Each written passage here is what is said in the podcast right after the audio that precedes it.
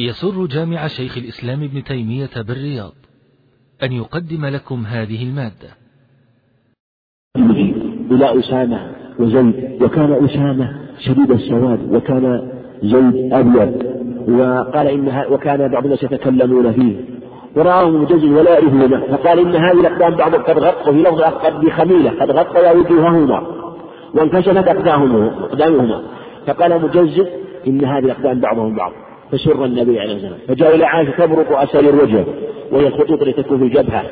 فرح عليه الصلاة والسلام. وهو لا يفرح إلا بالحق. فدل على العمل بالقافة. وهو الصواب العمل بالقافة. وذلك ما تعين وتبين. وقد ثبت العمل بالقافة عدة أخبار عنه عليه الصلاة والسلام. وثبت في حديث أنس صحيح مسلم أنه أرسل أرسل فتية من الأنصار عشرين ومعهم فتى قائد في طلب. أولئك القوم الذين قتلوا الرعاة رأي النبي عليه الصلاة والسلام. وثبت عدة أخبار هذا المعنى فيما يتعلق بالقيافة وهو من القفو قفو الأثر. لكن القيافة حينما يحصل اشتباه ولا يعمل بالقيافة عند ثبوت اليقين. ولهذا لم يعمل النبي عليه الصلاة والسلام بالشبه عند ذلك الرجل صحيحين عن هريرة وقال الإنسان الرسول عليه السلام ما عمل بها ما عمل بها. حينما جاء ذلك الرجل وقال يا رسول الله رجل النبي قال يا رسول الله إن إن امرأتي ولدت غلاما أسود قال قال هل لك من إبل؟ قال نعم. قال ما ألوانها؟ قال حمر. قال هل فيها من أوراق؟ قال إن فيها لورقا قال أن له ذلك؟ قال لعلنا لعله لجعفر قال عليه الصلاة والسلام فلعل ابنك هذا لجعفر فلم يلتفت إلى الشبه مع وجود الفراش. فالشبه لا يلتفت إليه مع وجود الفراش لكن مع لأجل إثبات وإلحاق ينظر. ويثبت به حينما يختلف و آه، إلحاقه مثلا بأي الرجلين ولهذا قال النبي عليه الصلاة والسلام انظروا إليه فإن جاءت به أكحل العينين سابغ اليتين خدلج الساقين فهو لشريك بن سحمان فجاءت به على النعت المكروه ثم قال عليه الصلاة والسلام لولا الأيمان لكان لي ولها شأن. أعمل الشبه لكن لم يمنع أن يعمله يعني يعمله من جهة الحكم لا من جهة الواقع.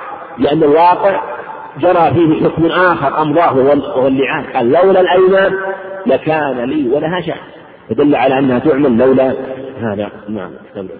كتاب العتق عن أبي هريرة رضي الله تعالى عنه قال قال رسول الله صلى الله عليه وسلم أيما امرئ مسلم اعتق امرأ مسلما استنقذ الله بكل عضو منه عضوا منه من النار. متفق عليه. وهل والعتق والحريه وفيه دلالة على فضل العتق. وأن الشارع الحكيم جاء بالسعي إلى التحرير والعتق بكل طريق وطرق العتق كثيرة. منها العتق بمعنى التقرب والتبرع يعتق مباشرة. ومنها العتق عن طريق الكفارات والنذور ومنها العتق عن طريق التبعيد إذا أعتق شركا له أو بعض مملوكه ومنها أيضا عند بعض العلم إذا مثل بمملوكه أو ما أشبه ذلك من طرق العتق. التي جاء الشارع الحكيم بها.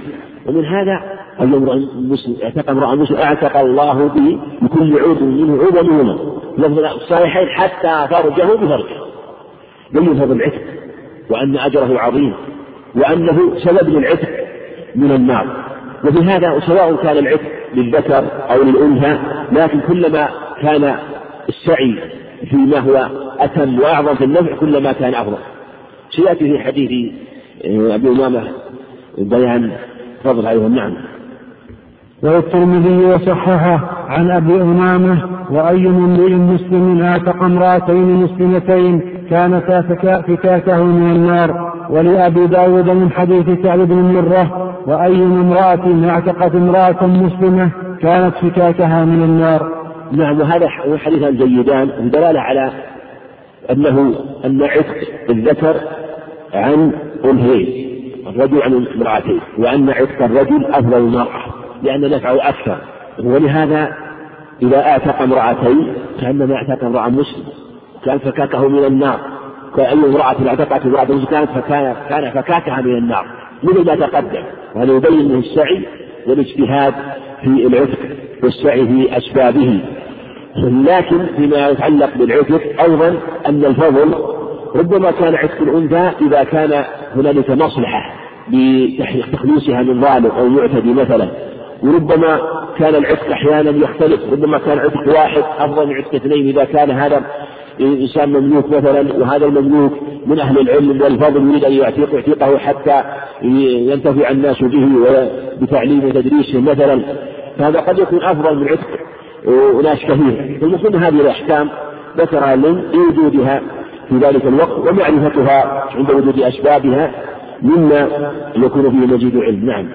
وعن أبي ذر رضي الله تعالى عنه قال سألت النبي صلى الله عليه وسلم أي العمل أفضل؟ قال إيمان بالله وجهاد في سبيله. قلت فأي الرقاب أفضل؟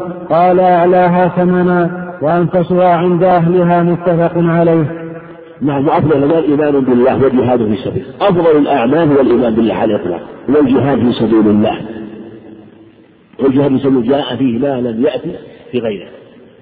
وجاءت أخبار كثيرة في فضل الأعمال. ولا شك أن أفضل الأعمال القلبية الإيمان على الإطلاق ما في إشكال. ثم بعد ذلك اختلف العلماء في فضل الأعمال الأخرى وفي مراتبها ودرجات. وعدة أخبار في هذا الباب. وقد بسطها المفلح رحمه الله في فروع بسطا حسنا و وذكر الشراح أيضا محمد حجر وغيره طرفا حسنا في بيان هذا المعنى أيضا.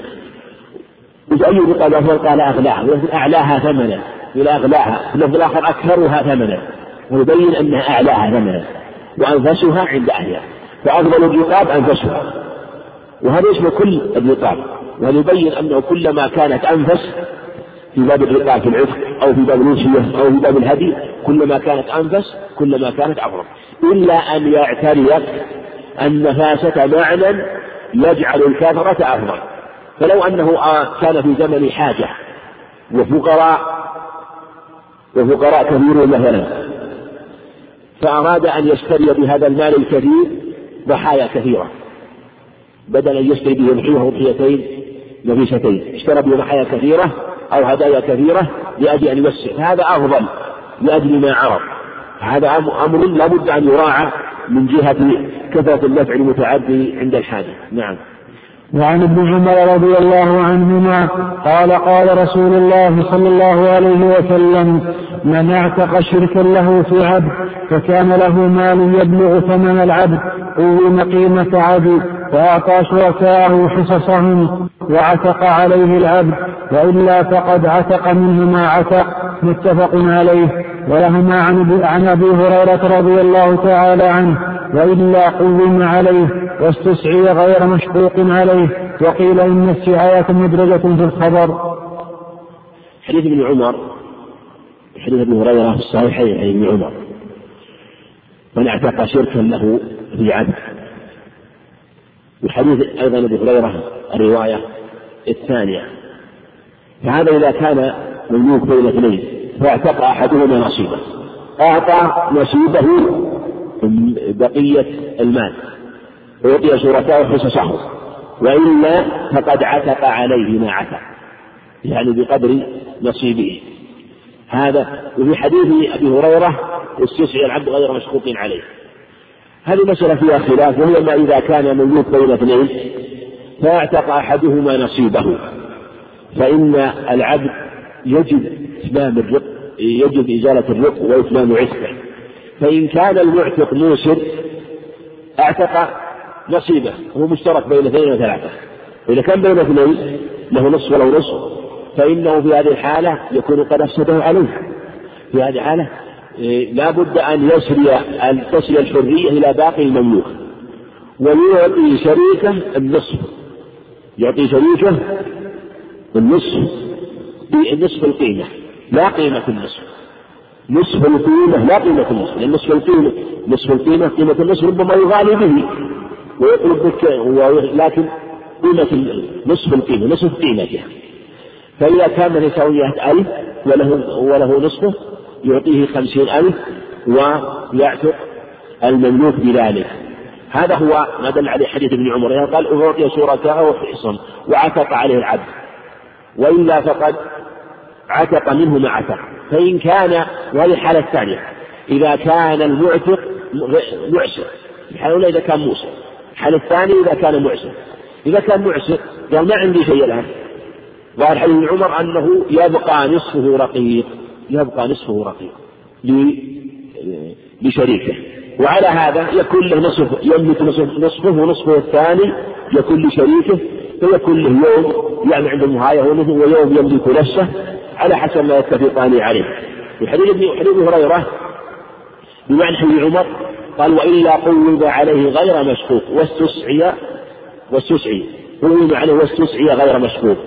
هذا هذا في الحال تقدم أن له حالان. أن له حالين. الحالة الأولى أن يكون الممنوع أن يكون المعتق موسر إن كان موسر أعتقه آه، دفع النصيب الثاني نصيب شريكه. إن كان غير موسر هل يعتق منه ما يعتق ويبقى نصف الشريك؟ ظهر الأخبار أنه ليس لله شريك. وجاء في عدة أخبار أنه يجب العتق. حديث هريرة يؤيده. ولهذا قال واستسعي العبد. يقوض واستسعي غير مشكوك عليه. قال إن في هذه الحال يؤمر المملوك بأن يعمل يعمل.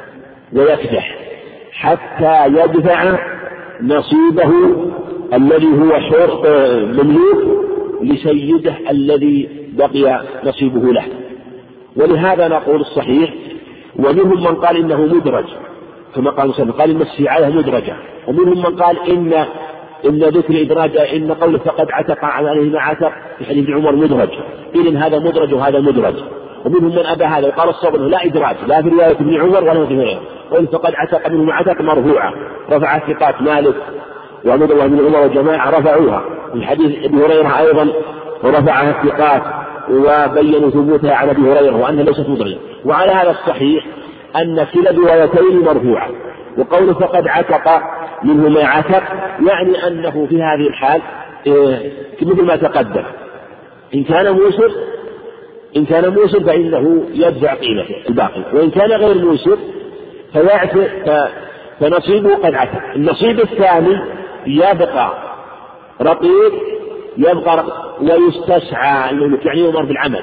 يستسعى يعني يعمل يكدح يكدح فيعمل ثم يقوم ثم يساوي فيدفع إلى سيده الآن إلى سيده الثاني الذي لا زال مملوكا إيه، له في شقه الباقي. ويعمل ويدفع له ما بقي وليقل غير مشروط يعني ما يجبر ما يجبر. فإذا أراد المملوك أن يعمل نقول تعمل الآن تملك نفسك كالمكاتب وهذا يؤيده الكتابة كالمكاتب حينما يشتري نفسه بنجوم فيدفعهم بعد ذلك إذا أتم الأقساط قد عتق هذا هو الأظهر والأكمل والأحسن في خبر ابن عمر وأبي هريرة أنه لا إدراج في الخبر كما تقدم. والله أعلم. أحسن الله لكم نفعلكم وصلى الله على نبينا محمد وعلى آله وصحبه أجمعين. بسم الله الرحمن الرحيم. الحمد لله رب العالمين. وصلى الله وسلم وبارك على نبينا محمد وعلى آله وصحبه أجمعين.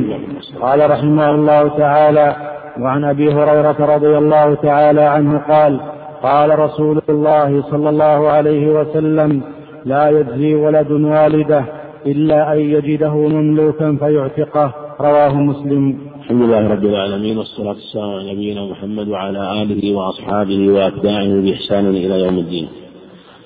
هذا الحديث فيه بيان عظيم أجر البر البر بالوالدين وأن أجرهما وأن أجر برهما أجر عظيم جاءت به النصوص وحدد النبي عليه الصلاة والسلام في هذا الدليل أو في هذا الحديث ما هو العمل الذي يبر به الولد والده من أم وأب؟ وبماذا يجزيه عليه من عمله والقيام عليه؟ لا يجزي والد ولده إلا أن يجده مملوكا فيشتريه فيعتقه وهذا الحديث يفسر بالحديث الذي بعده الآتي في أنه يدل على أنه إذا وجد أباه أو أمه رقيقا فإنه يسعى في خلاصه من الرق بأن يستريح وأن يغالي بثمنه قال بذلك الأجر.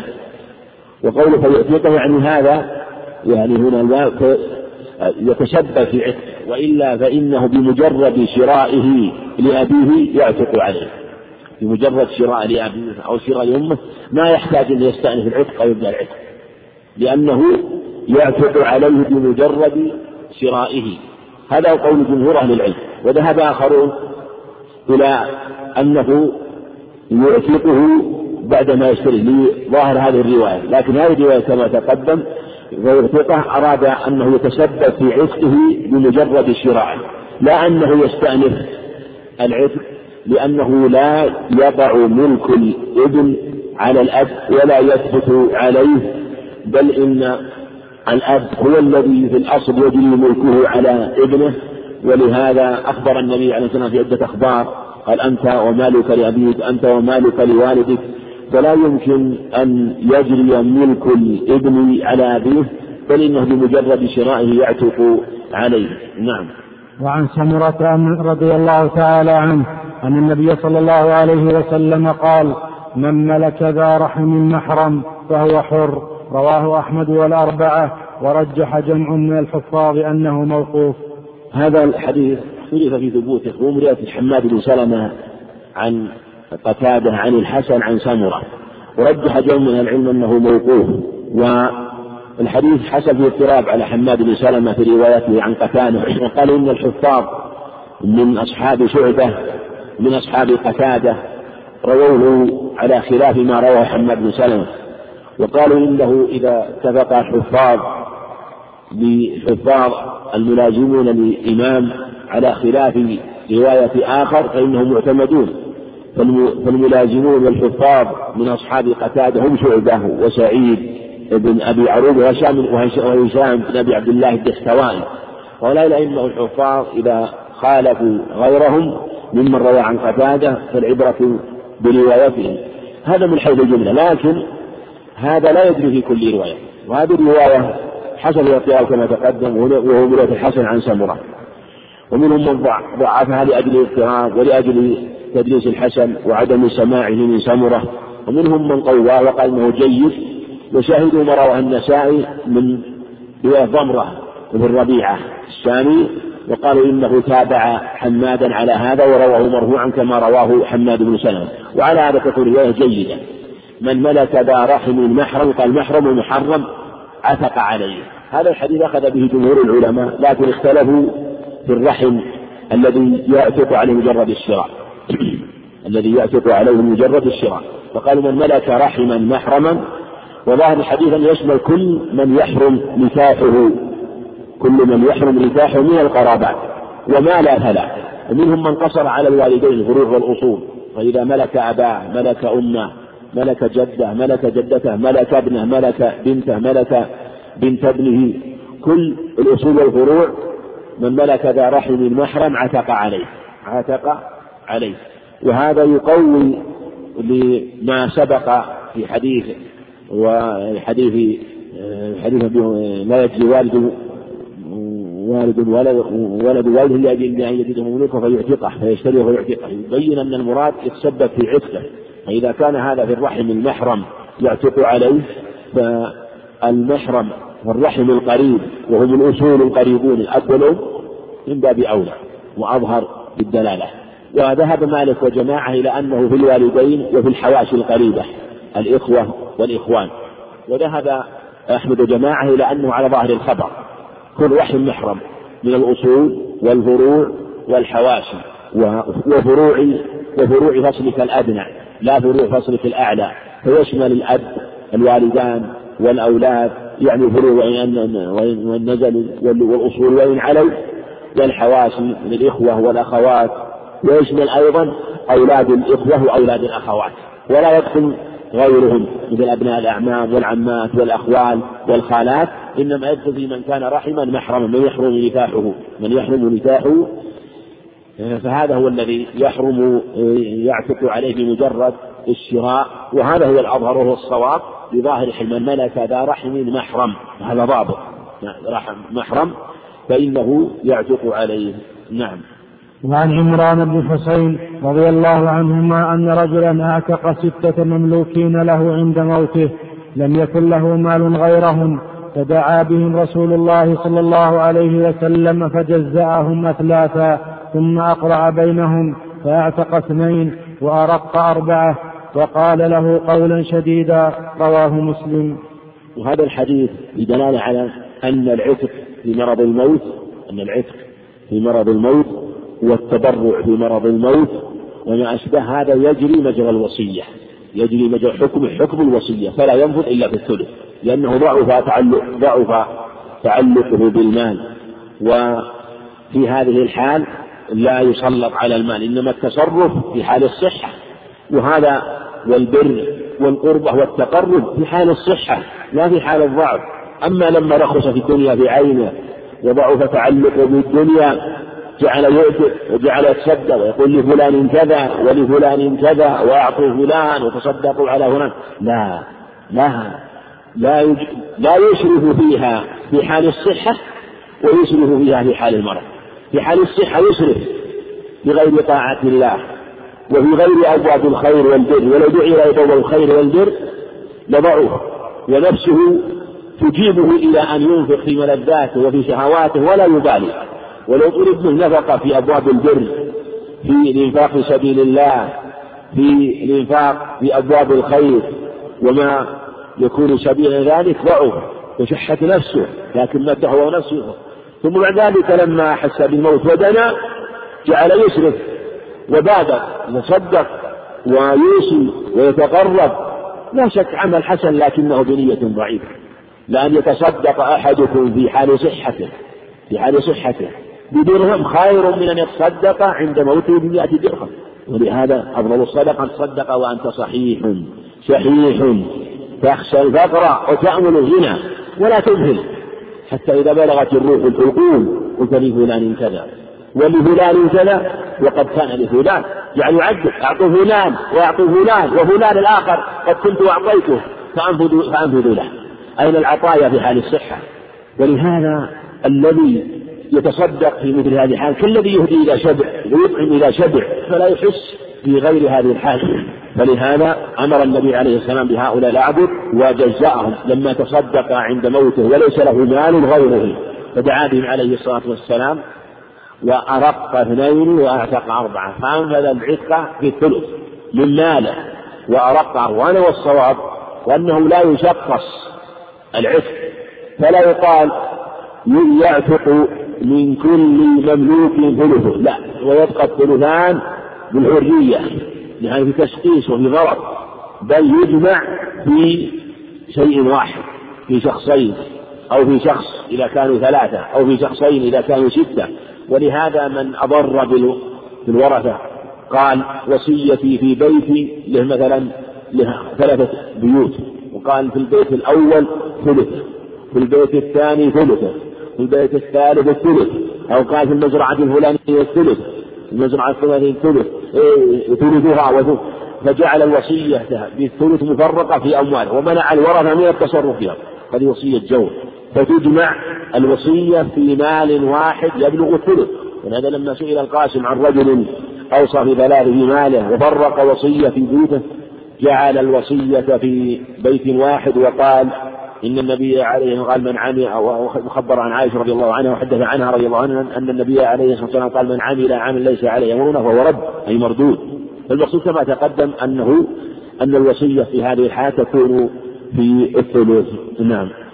وعن سكينة رضي الله تعالى عنه قال كنت مملوكا لأم سلمة فقالت أعتقك وأشترط عليك أن تخدم رسول الله صلى الله عليه وسلم ما عشت.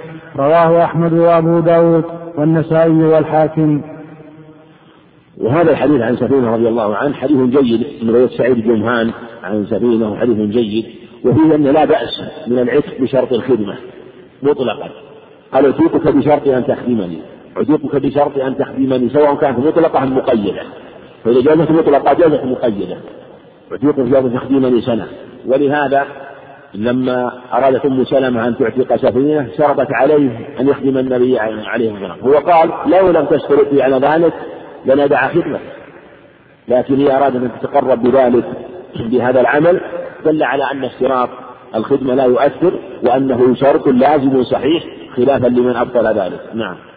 وعن عائشة رضي الله تعالى عنها أن رسول الله صلى الله عليه وسلم قال إنما الولاء لمن أعتق متفق عليه. حديث عائشة هذا حديث طويل رضي الله عنها رضي الله عنها في بريرة بأنها كانت عند قوم فكتبتهم بتسع آيات ثم جاءت إلى عائشة تستعينها بكتابتها فأخبرت قومها وقالت عائشة رضي الله عنها إن أرادوا أن أعدها لك عدة واحدة ويكون ولاؤك لي فأخبرت قومها فقالت إن أرادت أن تحتسب عليه فلها ذلك ويكون ولاؤها لنا. فأخبر فأخبرت النبي عليه السلام قال اشتريها واعتقيها بلفظ اشترط لهم الولاء فإنما فإنما الولاء لمن اعتق بلفظ الولاء لمن أعطى الورق وولي النعمة ولاؤه. وهذه والولاء عصوبة سببه نعمة المعتق على عتيقه على عتيقه الذي اعتقه. فالولاء لمن اعتق عند عدم الورثة عند عدم العصبة عند عدم أو عدم الورثة بالفرض الذين يستغرقون المال. فإذا عدم العصبة أو كان فيه ورثة بالفرض لا يستغرقون أو لم يكن فيه ورثة فإنه يكون الإرث بالولاء يكون الإرث بالولاء. فإذا اعتق إنسان إنسانا فإن ولاءه أي ماله الذي يخليه يكون له عند وجود سببه فإذا لم يكن لهذا المعتق ورثة عصبة ولا ورثة بالنسب يستغرقون ورثة بالفرض يستغرقون المال فإنه فإنه يرث ولاءه يرث ماله. فلو مات أنفاق إنسان إنسانا ثم مات المعتق ولم يكن له ورثة ولم يكن له ورثة فإن ماله وولاءه يكون ماله يكون لسيده الذي اعتقه. أو كان له مثلا ورثة بالفرض لا يستغرق المثل يكون مات عن بنت أو بنت ابن مثلا أو زوجة فإنه في هذه الحال يعطى صاحب الفرض فرضه والباقي يكون لصاحبه الحق الفرائض بأن فما بقي فلأولى رجل ذكر. فالمقصود أن الولاء لمن اعتق والولاء لمن ولي النبي اختلف العلماء في مسائل فيما إذا أسلم على يديه وكذلك مال الملتقط. وما أشبه ذلك في مسائل اختلف العلماء فيها. جمهور العلماء على أنه لا يورث بها إنما الولاء لمن أعتق. وهي فيها كلام معروف لأهل العلم لكن في هذه المسألة قول إنما الولاء لمن أعتق أمر محكم جاء عن عائشة رضي الله عنها وجاء أيضا من حديث ابن عمر أيضا في الصحيحين إنما الولاء لمن أعتق. نعم. وعن ابن عمر رضي الله عنهما قال قال رسول الله صلى الله عليه وسلم الولاء لحمة كلحمة النسب لا يباع ولا يوهب. رواه الشافعي وصححه ابن حبان والحاكم وأصله في الصحيحين بغير هذا اللفظ. حديث فيه وفي الصحيحين من حديث ابن عمر أنه عليه الصلاة والسلام نهى عن عن بيع الولاء وعن هبة. هذا هو المحفوظ وقالوا إن هذا بعض ضعف هذا اللفظ وقال إنه وهم. وإنما المحفوظ إنما أنه نهى عن بيع من ولاية عبد الله بن دينار وهو من غرائب الصحيح هذا. مثل حديث الأعمال إنما بالنيات من انفرد به عبد الله بن دينار عن ابن عمر رضي الله عنهما إنما نهى عن بيع الولاء وعن هبته. وهذا اللفظ منهم من صحه ومنهم من ضعفه. ومن جوده قال إنه محفوظ وله سواء شاهد مرسل وله شاهد موقوف عن عن المسعود وله شواهد تؤيده. وهو في معنى حديث نهى عن بيع الولاء وهبته الولاء لحمة يقال لحمة ولحمة. وإذا كان المراد لحمة كلحمة النسب. لا يباع ولا يباع. لا يجوز أن يباع الولاء. لحمة اللحمة هي ما يلصق بالثوب وهو ما يكون لحمة لسدى الثوب أو ما يسمى بطانة الثوب يلزق بالثوب ويلحم به فمتصل به ومرتبط به. كذلك الولاء مختلط ومشتبك كاشتباك النسب فلا أن الإنسان لا يجوز أن يبيع نسبه أو أن ينتسب إلى غيره أو ما أشبه ذلك يبيع, يبيع, يبيع النسب أو فهذا كذلك أيضا الولاء لا يجوز لا يجوز بيعه وهو حرام ولا هبته لا يجوز لا بيعه ولا هبته وفي حديث عمران بن حصين أيضا أيضا نبه إلى قوله أنه عليه الصلاة والسلام وقال له قولا شديدا المتقدم جاء في عند النسائي بإسناد جيد أنه وعند أبي داود أيضا أنه عليه الصلاة والسلام قال لو أو حضرته لم أصلي عليه أو لم أشهد جنازته. هذا هو القول الشديد الذي شدد في هذا عليه الصلاة والسلام. في بيان أن مثل ما تقدم من مثل هذا لا يجوز فعله لأن فيه مضارة ولهذا قال مثل هذا القول عليه الصلاة والسلام. نعم. باب المدبر والمكاتب وأم الولد. عن جابر رضي الله تعالى عنه أن رجلا من الأنصار أعتق غلاما له عن جبر لم يكن له مال غيره فبلغ ذلك النبي صلى الله عليه وسلم فقال من يشتريه مني؟ فاشتراه نعيم بن عبد الله بثمانمائة درهم متفق عليه. وفي لفظ للبخاري فاحتاج. وفي رواية للنسائي وكان عليه دين. فباعه بثمانمائة درهم فأعطاه وقال اقض دينك وهذه المسائل المدبر ومكاتب المهم وإن كانت غير واقعة الآن لكن ينبغي معرفة أحكام هذه لأنها جاءت في أدلة وهي أحكام ويحتاج إليها. والمدبر مأخوذ من التدبير أو من دبر الشيء وهو أن يقول السيد لمملوكه أنت عتيق عن دبر مني أو بعد موتي. لأن الموت دبر الحياة يعني آخر الحياة. لا ليس بعد الحياة موت فهو يدبرها يدبر الحياة. فسمي تدبيرا أو من دبر أمره إذا أحسنه وزينه دبر أمره ودبره يعني إذا سعى في إصلاحه بمعنى أنه استفاد الحقيقة فهو لم يعتقه ولم يباشر بل جعله عتيقا مدبرا.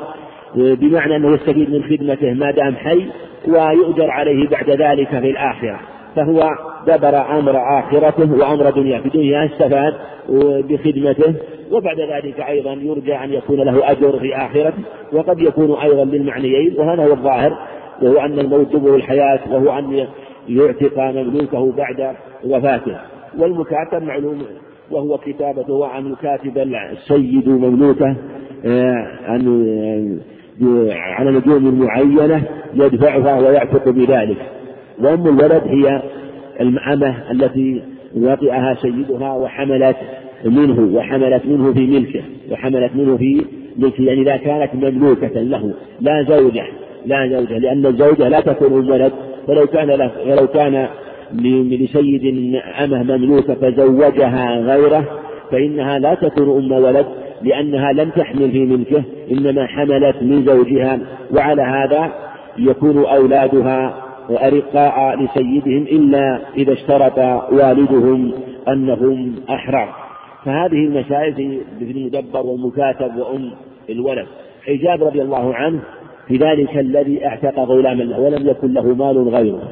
وهذا حينما اعتق المال وحينما اعتق غلامه ولم يكن له مال غيره هذا فيه إسراف حينما اعتق فقال النبي صلى الله عليه وسلم من يشتريه مني؟ فاشترى نعيم بن نحام نعيم بن نحام بثمانمائة درهم. بلفظ تحتاج بلفظ عند النسائي وإسناده صحيح أنه احتاج في دين عليه فأمره النبي عليه والسلام أن يقضي دينه أن يقضي دينه. وهذا الحديث فيه أحكام كثيرة في الحقيقة بدلالة على أن الإنسان لا يتصدق الصدقة التي فيها ضرر. يأتي مالك كله ويتصدق به. ولهذا في أخبار عدة أن النبي عليه أنكر على من تصدق بجميع ماله. في جابر لما جاء ذلك الرجل بتلك البيضة أخذها منه ورماها رماه بها حتى كاد أن يعطيها قال يأتي أحدكم المال كله ثم يذهب يتكفف الناس اذهب لا حاجة لنا بهذا أو بمالك. وجاء في معنى حديث كثير وجاء ما يدل على جواز صدقة بالمال كله كما قبل النبي صلى الله عليه وسلم مال أبي بكر وكما قبل نصف مال عمر. وحاصل هذا المسألة المسألة أن الجمهور أنه يجوز أن يتصدق بماله كله إن كان عنده ثقة وطمأنينة ويقين ولم يكن له أولاد أو كان له أولاد يصبرون ولا يتضررون. فلا بأس أما إذا ترتب عن ذلك تضرر أو ضرر أو تكفف الناس أو ما أشبه ذلك فإنه لا يجوز له مثل هذا. ولهذا رد النبي عليه السلام على المتصدق ورد على الذي دبر غلامه الذي فعل اعتق غلامه عن دبر اعتق غلامه عن دبر ثم باعه ثم أيضا هذا في الحقيقة عن كان عليه دين وهذا ثم باعه وقال اقضي به دينه وهذا الحديث فيه فوائد دلالة على فيه فوائد منها أولا أن المدبر يجوز بيعه. يجوز بيعه. لكن هل يجوز مطلقا؟ أو يجوز عند الحاجة أو لا يجوز مطلقا؟ على ثلاثة أقوال. الأظهر والله أعلم هو أوسط الأقوال أنه يجوز بيعه عند الحاجة. خلافا لمن قال يجوز مطلقا. لأن الخبر لأنه في الحق دبره فلزم هذا هو الأظهر لكن لم يأتي بيعه أو بيع النبي له عليه السلام إلا في سورة خاصة وقال فاحتاج بدين عليه فإذا كان عليه دين فإنه يباع هذا هو الأظهر المسألة فيها كلام لأهل العلم وخلاف لكن هذا هو الأقرب ومن ذلك أيضا لو أن إنسان وقف أرضه أو بستانه وعليه دين يعني عليه دين سابق لا دين حادث فالأظهر أن الوقف لا يصح. من أخذ أموال الناس يريد إتلافها تلفه الله. هذا كيف؟ تأخذ أموال. تأخذ أموال الناس وتستدين ثم بعد ذلك تتصدق وتوقف. لا أدي أدي ما وجب عليك بما تصدق. الفضل أنفق الفضل من مالك. لا تضيع أموال الناس وتأكلها. هذا آثم ولا يجوز له مثل هذا مثل بل ذهب تقييدين جماعة إلى أنه يجوز بيع الوقف بالدين الحادث وهذا في نظر؟ إن كان خلاف قول خلاف قول الجمهور. أما الدين المتقدم فالأظهر أن هذا لا يجوز الوقف ويجوز بيعه وأخذ المال منه لأنه في الحقيقة آه، في صحة وقفه نظر ولأن الواجب عليه أن يقضي الدين لا أن يوقف في مثل هذه الحال. نعم. وعن عمرو بن شعيب عن أبيه عن جده عن النبي صلى الله عليه وسلم قال المكاتب عبد ما بقي عليه من مكاتبته درهم. أخرجه أبو داود بإسناد حسن وأصله عند أحمد والثلاثة وصححه الحاكم. يعني عمرو شعيب حديث جيد وجاء من طرق عن عمرو شعيب وجاء في لفظ آخر أيما مملوك اعتق على عشر أواق فأداها إلا وقية فهو عبد وأيما مملوك اعتق على عشر دنانير دينار فهو عبد. يعني أنه لا يخرج من الرق إلى الحرية إلا بأداء المال كاملا. وهذا هو قول جمهور أهل العلم. وأخذوا بحديث عمرو بن شعيب رضي الله عنه عن عمرو شعيب عن أبيه عن جده رضي الله عنه وما جاء في معنى هذا الخبر وأن المسافة في حكم المملوك في جميع الأحكام في حكم المملوك. وأنه آه، وأنه مثل ما قال عليه الصلاة والسلام أنه عابد ما بقي عليه دين حتى يؤدي جميع ما عليه. هذا هو.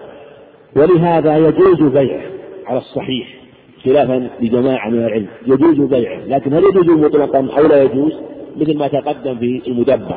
قيل لا يجوز وقيل يجوز والأظهر أنه يجوز أن يباع يجوز أن يباع لكن يباع ويبقى وينتقل عند الثاني مكاتب وهذا محل اتفاق. لا يباع يعني تبقى كتابته لا. فلو أن مملوكا كاتب سيدة مثلا على مال ثم أدى نجما أو لم يؤدي لكن تمت الكتابة ثم باعه جاز يبيعه لكن يبيعه على أنه مكاتب ويبين ذلك فإن فإذا تم على هذا فنعم وإلا فلا يجوز وإلا فلا يجوز. ويجوز إبطال الكتابة باتفاق السيد والمملوك. باتفاق السيد والمملوك يجوز. ويجوز أيضا فسخ الكتابة بعجز المملوك. إذا عجز المملوك عن الكتابة مثل كاتبه على مال ثم أدى نجم أو نجم مال نصف المال ثم عجز عن أداء الباقي. يجوز. مثل ما عجزت آه، بريرة عن في مع قومها فباعوا فباعوها لعائشة رضي الله عنها. في هذه الحالة يجوز كما تقدم وهذا هو قول الجمهور أخذا بحديث عن زعيب عن أبيه عن جده. نعم. وعن أم سلمة رضي الله عنها قالت قال رسول الله صلى الله عليه وسلم إذا كان لإحداكن مكاتب وكان عنده ما يؤدي فلتحتجب منه. رواه الخمسة وصححه الترمذي. هذا حديث من نبهان مولى أم سلمة الزهري عن نبهان عن أم سلمة. ونبهان هذا ليس مشهورا وقيل مجهول. هنا ضعف الحديث جمع من أهل العلم. قالوا إنه يخالف الأخبار. من جهة من جهة أنه آه، مملوك ولا يكون حرا حتى يؤدي جميع ما عنده وجميع ما عليه. ولو كان عنده ما يؤدي ما دام إنه ما أدى فهو عبد ما بقي عليه درهم كما قال النبي عليه الصلاة والسلام. وظاهر هذا الخبر أنه إذا كان عنده مال أنه إذا كان عنده مال أنه يعبد. بمجرد وجود المال ولم ولو لم يؤدي. وهذا الخبر عنه مخالف للحديث الأخرى من جهة أن المكاتب عبد ما بقي عليه درهم. عبد ما هذا هو. وهذا الخبر يجمع بينه وبين أخبار أخرى ينظر فيه. إما بالترجيح بأن نضعفه ونرجح الأخبار الأخرى عليه. هذا الوجه الأول. الوجه الثاني أن نحمله على الخصوصية لنساء النبي عليه الصلاة والسلام لعظيم حرمتهن. الأمر الثالث أن يحمل على الأولى والأكمل أنه إذا كان عندهم ما يؤدي فقد قرب من الحرية وشابه الأحرار في وجود المال وأنه يستطيع أن يكون حرا فقد ملك المال يستطيع فيكون من باب الأولى جمعا بين الأخبار في مثل هذا وإلا هو في الحقيقة حكم حكم الملوك. ولهذا يجوز لسيدته على قول الجمهور أن تكشف له لكن ليس محرما لها ليس محرما لها. فالمقصود أنه مملوك وهو عبد ما بقي عليه درهم هذا يعني في وجه وجه من وجوه الجمع أو بعض وجوه الجمع في هذا الخبر. إن لم يكن من تلك الأخبار مرجحة مرجحة على هذا لضعف هذا الخبر. نعم. وعن ابن عباس رضي الله عنهما أن النبي صلى الله عليه وسلم قال يؤدى المكاتب بقدر ما عتق منه دية الحر. وبقدر ما رق منه دية العبد. رواه أحمد وأبو داود والنسائي. وهذا الخبر اختلف في ثبوته ومنهم من صححه ولا سنده انه جيد. وربما دل على ما دل عليه حديث سلمة. لكن يظهر والله أعلم أن هذا فيما يتعلق بالدية. وأنه إذا كان المملوك قد يعني المكاتب قد أدى بعض ما عليه. النصف الربع يودى بقدر ما أدى دية الحر وبقدر ما بقي دية العبد المملوك وعلى هذا لا يكون مخالف. يقال في باب الدية يعامل بالجزء الذي هو حر كأنه حر وبالجزء الذي هو مملوك أنه مملوك. فلو أن مملوكا مثلا كاتب سيدة وأدى نصف المال وأدى نصف المال يكون نصفه حر نصفه حر. وعلى هذا يكون نصفه هذا مثل نصف الحر نصف الحر فإذا كانت دي مثلا مئة ألف وقتله إنسان قتله إنسان ونصف الحر ونصف عبد نقول ديته بنصف الحر خمسون نصف الحر ونصف المملوك كم ديته؟ كم؟ هو, هو الآن هو الآن هل له دية ولا قيمة؟ قيمة يقيم نصف يقيم نصفه الباقي. يقيم نصفه. فإذا كان نصفه الباقي مثلا يساوي لو كان مثلا قيمة قيمته مثلا مئة ألف نصفه كم يصير؟ لا نصفه. قيمته مئة ألف نصفه كم؟ مئة ألف. مئة ألف. مئة ألف. فيودى بنصفه الذي هو مملوك مملوك نصف قيمته. نصف قيمته. فإذا كان قيمته مثلا مئة ألف نصف قيمته كم؟ خمسين. إيه نصف قيمته كم؟ مئة ألف. ونصفه الثاني كم ديته؟ خمسين ألف. إيش تصير ديته؟ مئة وخمسين. يصير أكثر من دية الحر. لأن قيمة لأن لأن لأنه مبدي هو هو مبدية هو قيمة. ولهذا لو لو اعتدى عليه المملوك مثلا كان قيمته مئة ألف يؤدي مئتي ألف. لكن لما كان لو كان بالعكس مثلا قيمته خمسين قيمته خمسين كامل قيمته خمسين وعتق نصفه وعتق نصفه ويكون نصف الشر ولا لا؟ نصف الشر فنصف الحر كم ديته؟ نصف دية الحر كم؟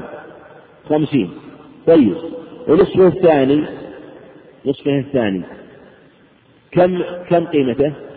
خمسة وعشرين لأن لأن لأن قيمته خمسين ألف. فيكون ديته خمسة يكون ديته خمسة وسبعين ألف. يعني خمسة وسبعين ألف. فهكذا. فهو يودى بنص بقدر ما أدى دية الحر وبقدر ما بقي دية المملوك. وهكذا لو كان مثلا الحر ربعه مثلا يصير ربعه خمسة وعشرين ألف. ثلاثة أرباع نصف قيمته. أو بالعكس مثلا. ثلاثة أرباع حر ثلاثة أرباع يصير دية خمسة وسبعين ألف. والباقي ربعه ينظر نصف القيمة نصف القيمة إذا نصف هكذا. نعم. وعن عمرو بن الحارث أخي جويرية أم المؤمنين رضي الله عنهما قال ما ترك رسول الله صلى الله عليه وسلم عند موته درهما ولا دينارا ولا عبدا ولا أمة ولا شيئا إلا بغلته البيضاء وسلاحه وأرضا جعلها صدقة رواه البخاري. وهذا الحديث عن الحارث رضي الله عنه يبين المصنف رحمه هذا استدلال حسن استدل به على على أن أم الولد تكون حرة بموت سيدها. والنبي عليه السلام اشتهر أن له جارية اسمها ماريا القبطية أم إبراهيم أم إبراهيم. ولهذا قال عن حرب ما ترك ما ترك درهما ولا دينارا ولا عبدا ولا شاة إلا بغتها البيضاء وأرضا تركها ابن السبيل صدقة ما ترك دينارا ولا درهما ولا عبدا ولا شاة ولا دينارا. وجاء هذا المعنى أيضا في أخبار أخرى. إلا بغلته البيضاء بغلة هذه أهداها إليه له ملك ملك أولى كما حديث أبي حميد الصحيحين السائل رضي الله عنه. وأرضا ترك لابن السبيل صدقة ترك هكذا كان النبي عليه الصلاة والسلام لم تكن همته الدنيا. بل كان همته الآخرة وكان همته إرشاد الناس ودعوة الناس. لم يجمع الدنيا وحطام الدنيا ولم يدر بخلته عليه الصلاة والسلام ولم يبالي بها ولم يلتفت إليها. بل كان يأخذ الدنيا ويصرفها ويأتيه المال العظيم فلا يقوم إلا وقد أنفقه كله. أتاه مال عظيم وولع بين يديه في المسجد فلم يقم ومنه درهم صلوات الله وسلامه عليه. وبقي عنه مال وجعل عليه الصلاة والسلام شغله ذلك. يعني حكم الحال صحيح البخاري. حتى إنه لما صلى به العصر قام فزعا مسرعا يشق الصفوف فاستنكر الناس ذلك. فرجع أخبار قال تذكرت شيئا من ثبر عندنا. فكرهت أن يحبسني فأمر بإنفاقه عليه الصلاة والسلام. هكذا كان عليه الصلاة والسلام. بل هي عند أحمد بإسناد صحيح أنه عليه السلام قد عز بات ليلة يتنور يتقلب عليه الصلاة والسلام. فقال عائشة ما لك يا رسول الله؟ قال وجدت تمرة فأكلتها فخشيت أن تكون من الصدقة. لأنه كان يدخل بيت بعض التمر الذي يكون باب الصدقات يوزعها وينفقها فخشي أن تكون من الصدقة. الصحيحين لولا أني أخشى أن تكون من الصدقة لأكلتها صلوات الله وسلامه عليه. فالمقصود ما ترك شيئا. وقال نحن معاشر الأنبياء لا نورث. ما تركنا صدقة لا يورثون. كما يورث غيرهم. ولهذا أسد المصنف رحمه الله بهذا الخبر أن أم إبراهيم إذا إذا إذا كان ما ترك أمه ما ترك أمه وأم إبراهيم كانت مملوكة له وهي أم ولد. فعلى هذا إذا كان مات ولم يترك أمه إيش تكون أم إبراهيم؟ حرة ولا؟ تكون حرة هذا وجه الدلالة لكن هذه الدلالة فيها في استنباطها نظر لأن هذا يحتاج إلى إثبات أن أم إبراهيم عاشت بعد عليه الصلاة والسلام. وهذا ما لم يثبت. لكنه دليل لمن أخذ به أو في هذه المسألة اجتهادية من جهة أن أم الولد يعتقها ولده وسيأتي بعض الأخبار في هذا الباب نعم. وعن ابن عباس رضي الله عنهما قال قال رسول الله صلى الله عليه وسلم أيما أمة ولدت من سيدها من سيدها فهي حرة بعد موته أخرجه ابن ماجه والحاكم بإسناد ضعيف ورجح جماعة وقفه على عمر. لأن الحديث هذا إسناده ضعيف وجاء أيضا من طرق أخرى وهي ضعيفة لا تفهم منهم من قواه بعض الشواهد قواه بعض الشواهد لكن هو هذه مسألة فيها خلاف وهي في أم الولد. ولهذا قال الجمهور إن أم الولد إذا ماتت إذا مات سيدها فإنها تكون حرة وتعتق تعتق من ماله وتكون حرة إذا كانت أم الولد. وأم الولد وهي التي تكون أمة لإنسان مملوكة له وولدت أو جاءت بما بما تكون به أم ولد. بما تكون به أم ولد. فإذا جاءت بما تكون ولد ولو مضغة ولو مضغة فإنها تكون ولد. لأنه الشيء الذي يحصل به وجود الحمل يحصل به وجود الحمل ويحصل به براءة الرحم ويحصل ببراءة الرحم فلهذا تكون ولد. ويشير في هذه المسألة إلى مسألة أن مسألة تقلب الجنين في الرحم لأنها مسألة مهمة وهي ما يتعلق وهو كون نطفة أو علقة أو مضغة أو مضغة وهذه أحكامها كثيرة لكن حاصلها ينبغي أن يعلم أن النطفة لا حكم لها في أي شيء. النطفة لا حكم لها وأنها دم وأنها شيء قذف به الرحم ولا حكم له. فلو قذف الرحم بالنطفة في الأربعين لا حكم لها إلا في مسألة جواز إسقاطها على الخلاف في هذا في جواز عند الحاجة. أم أما ما يتعلق مثلا بالخروج من العدة مثلا أو الصلاة عليها أو غسلها وكفنها مثلا أو ما أشبه ذلك من كونها أم ولد أو خروجها من العدة. إذا كانت مطلقة مثلا أو متوفى عنها فإنه في فإنها لا حكم لها. العلاقة الطور الثاني العلاقة. والعلاقة الصحيح أنه لا حكم لها عند الجمهور أهل العلم. وخالف في ذلك مالك وجماعة قالوا إن لها حكم وأنها تكون وأنه لو وضعت أم الولد علقة أربعين سنة فإنها تكون أم ولد. وأيضا آه، المطلقة آه، كذلك يستبرأ رحمها بها على قول عندهم. هذا قولهم خلافا للجمهور. والصواب هو قول الجمهور لأنه لا يكون إلا بما فيه بما فيه حمل أو تصوير ما لا يكون لما فيه تصوير. وهذه العلاقة لا تصوير فيها. الحال الطور الثالث هي المضغة والمضغة لها أحوال.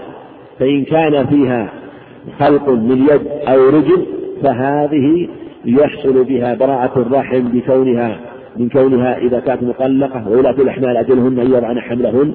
فإنها تخرج من العدة وتكون بها به أم ولد.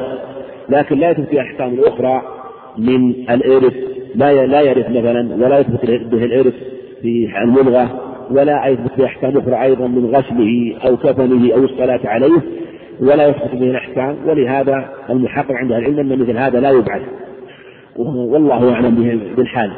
والحال الثاني أن يكون فيها تصوير خفي. كذلك أيضا كان تصوير خفي طلع عليه القوابل أو من يعلم ذلك فإنه أيضا يأخذ حكم على المضغة التي قد تخلقت في خروج من العدة وكذلك أيضا ما يتعلق بثبوت دم النفاس بدم النفاس وأنها لا تصلي في هذه الحال لأنه دم نفاس أيضا.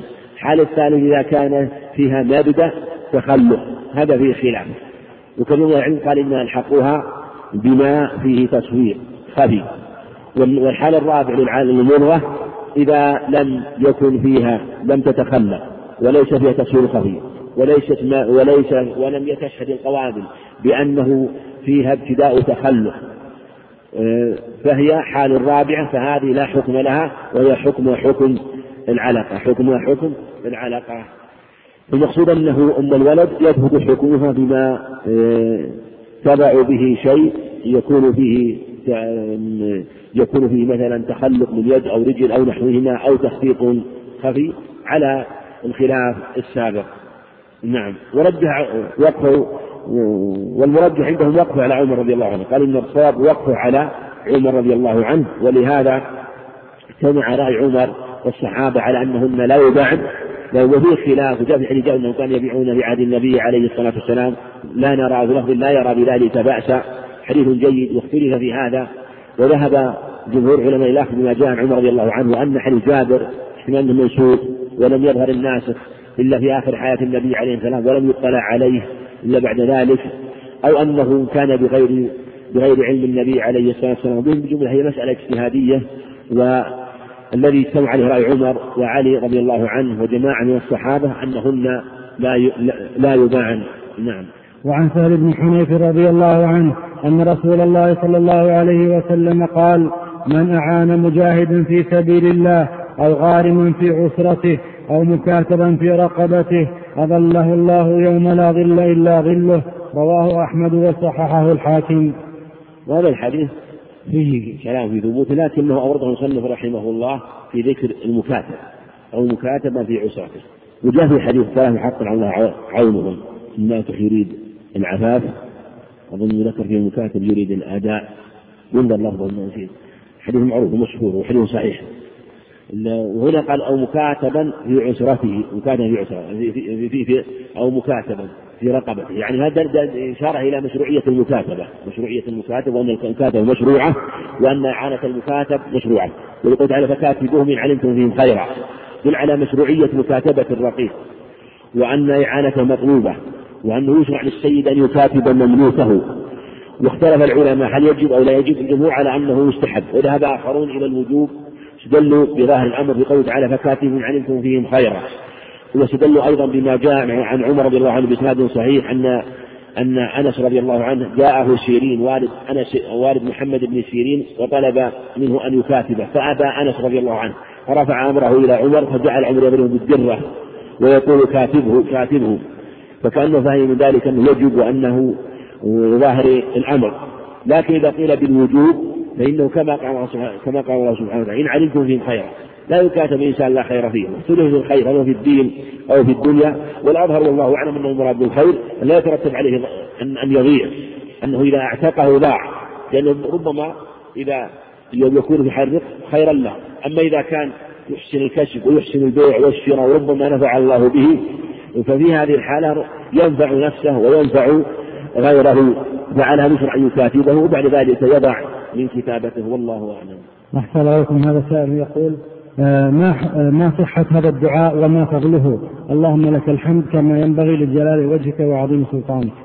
حديث رواه ابن ماجه وفي سند ضعف. حديث سند ضعف في ثبوت نظر لكن لا بأس. بأن يقال لأن حديث الشواهد. حديث في الشواهد ومن الأخبار هذه وحديث عظيم حديث له اللهم لك أنت ينبغي كما ينبغي لجلال وجهك وعلي سلطانك اللفظ الآخر حديث جيد أيضا هل يبدو بهذا الجلال والإكرام؟ ذكر الجلال هنا وذكر الجلال هنا. المقصود أنه كما هو معلوم أن الحديث الضعيف في مثل هذا يستدل به عند جمهور أهل العلم وبعضه يسير. نعم. أحسن يقول آه، كثر الحديث في الصحف عن زواج المسيار نرجو من فضيلتكم بيان ذلك. هذه المسألة فيها خلاف بين أهل العلم والذين صححوا قالوا أصل صحة العقود وصحة الشروط في النكاح والنبي عليه الصلاة والسلام قال إن حق الشروط أن توفوا به ما استحلتم به الغروب كما روى مسلم في عقد بن عامر. فقالوا إن الزواج هذا الذي يشرط فيه للمرأة الشروط خاصة وتشرط المرأة أيضا وأنه يشرط أن لا أنه لا نفقة لها أو أن في المبيت مثلا لا مبيت إلا في شيء معين مثل هذا لا محذور في اشتراطه وإذا أسقط وإذا أسقطت المرأة ولد بذلك فلها شرطها. ولهذا لما شرطت امرأة لزوجها إن تزوج عليها أن يطلقها فرفع فأراد أن يتزوج عليها فرفعت أمرها إلى عمر. فقال عمر رضي الله عنه في لفظ أنها أنها شرطت بيتها أو دارها. أظن قال شرطت دارها أو بيتها وأنه لا ينتقل بها فأراد أن ينتقل بها نعم. شرطت دارها أو فأراد أن ينتقل بها فأبت فرفع أمرها إلى عمر فقال عمر لها شرطها. قال يا أمير المؤمنين إذا يطلقننا يعني لكن قال عمر رضي الله عنه مقاطع الحقوق عند الشروط انتهى. ما دام أنها شرط ذلك فالذي يقطع ويبين ويفصل ويبين الحق هو الشروط فدل على أن الشروط هذه التي تشرطها المرأة وليس فيها شرط مثلا مفسد وهي حق من حقوقها حق من حقوقها. في هذه الحالة لا بأس بذلك لا بأس بذلك ولا دليل على فساده. والنكاح أمره عظيم والوفاء بالشروط مطلوب. هم يكون وفاء بالشروط فإذا أسقط هو أو شرط أسقط شرطا واجبا عليه في الأصل لكن ورضيت بإسقاطه ثم دخل على ذلك. فهذا ما يظهر في شيء. وهذه يسميها بعض الفقهاء يسميها النهاريات والليليات وذكروها في في كتب الفقه وبينوا أحكامها وبالجملة فيها خلاف كثير يعني يمنع من ذلك. نعم. أحسن لكم. يقول إذا انفرد ابن حبان بتصحيح حديث فما الحكم؟ ابن حبان عنده تساهل فإذا انفرد ينظر في السند ما يكتفى بتصحيحه ولا سكوته. ينظر في السند إن كان السند يصححه رجال الثقات وثقه غير ابن حبان فالحديث صحيح وإن كان وثقه غير فإنه يعتمد على توثيقه. أما إن كان لا أنه لم يوثقه إلا ابن حبان فابن حبان عنده تساهل في التوثيق فلهذا عندهم توثيقه لا يرقى إلى درجة الصحة بل لا يرقى إلى درجة الحسن أحساسي يقول الرجل الذي بايع رجلا بسلعة بعد العصر لماذا نقطع العصر؟ كأنه والله أعلم لأنه من آخر النهار وآخر النهار أفضل من أول النهار. وقاعدة في الشرع أن أواخر الأعمال أفضل من أن أواخر الأزمان أفضل من أوائلها. ولهذا انظر آخر يوم الجمعة هو أفضل من أوله. وانظر إلى آخر كل يوم هو أفضل من أوله. ولهذا قال قال عليه الصلاة والسلام يتعاقبون فيكم ملائكة بالليل وملائكة بالنهار ويبيتون ويجتمعون في صلاة الفجر وصلاة العصر. صلاة الفجر وصلاة العصر. فذكر اجتماعهم في صلاة أو في أول النهار وذكر اجتماعهم في آخر النهار لأنه يحصى للأعمال. وانظر إلى آخر الأعمال في العشر من ذي الحجة.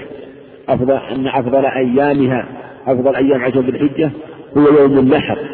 والأيام التي تلي من أيام التشريق هو أفضل أيام. وانظر إلى رمضان أفضل أيامه أواخر رمضان العشر الأخير.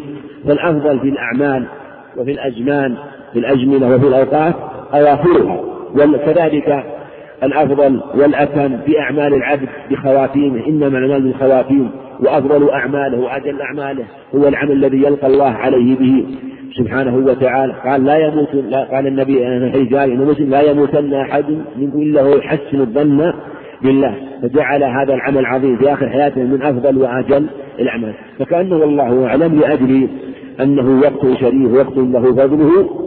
آه، جاء التنصيص عليه في الحديث. أحسن الله إليكم شيخنا وجعل كل حرف قلت منه في ميزان حسناتكم وضعافا مضاعفة وغفر لك ولوالديك وكتب خطواتك وواقع على أثراتك وصلى الله على نبينا محمد وعلى آله وصحبه أجمعين. جزا الله فضيلة الشيخ خيرا على ما قدم وجعله في ميزان حسناته والسلام عليكم ورحمة الله وبركاته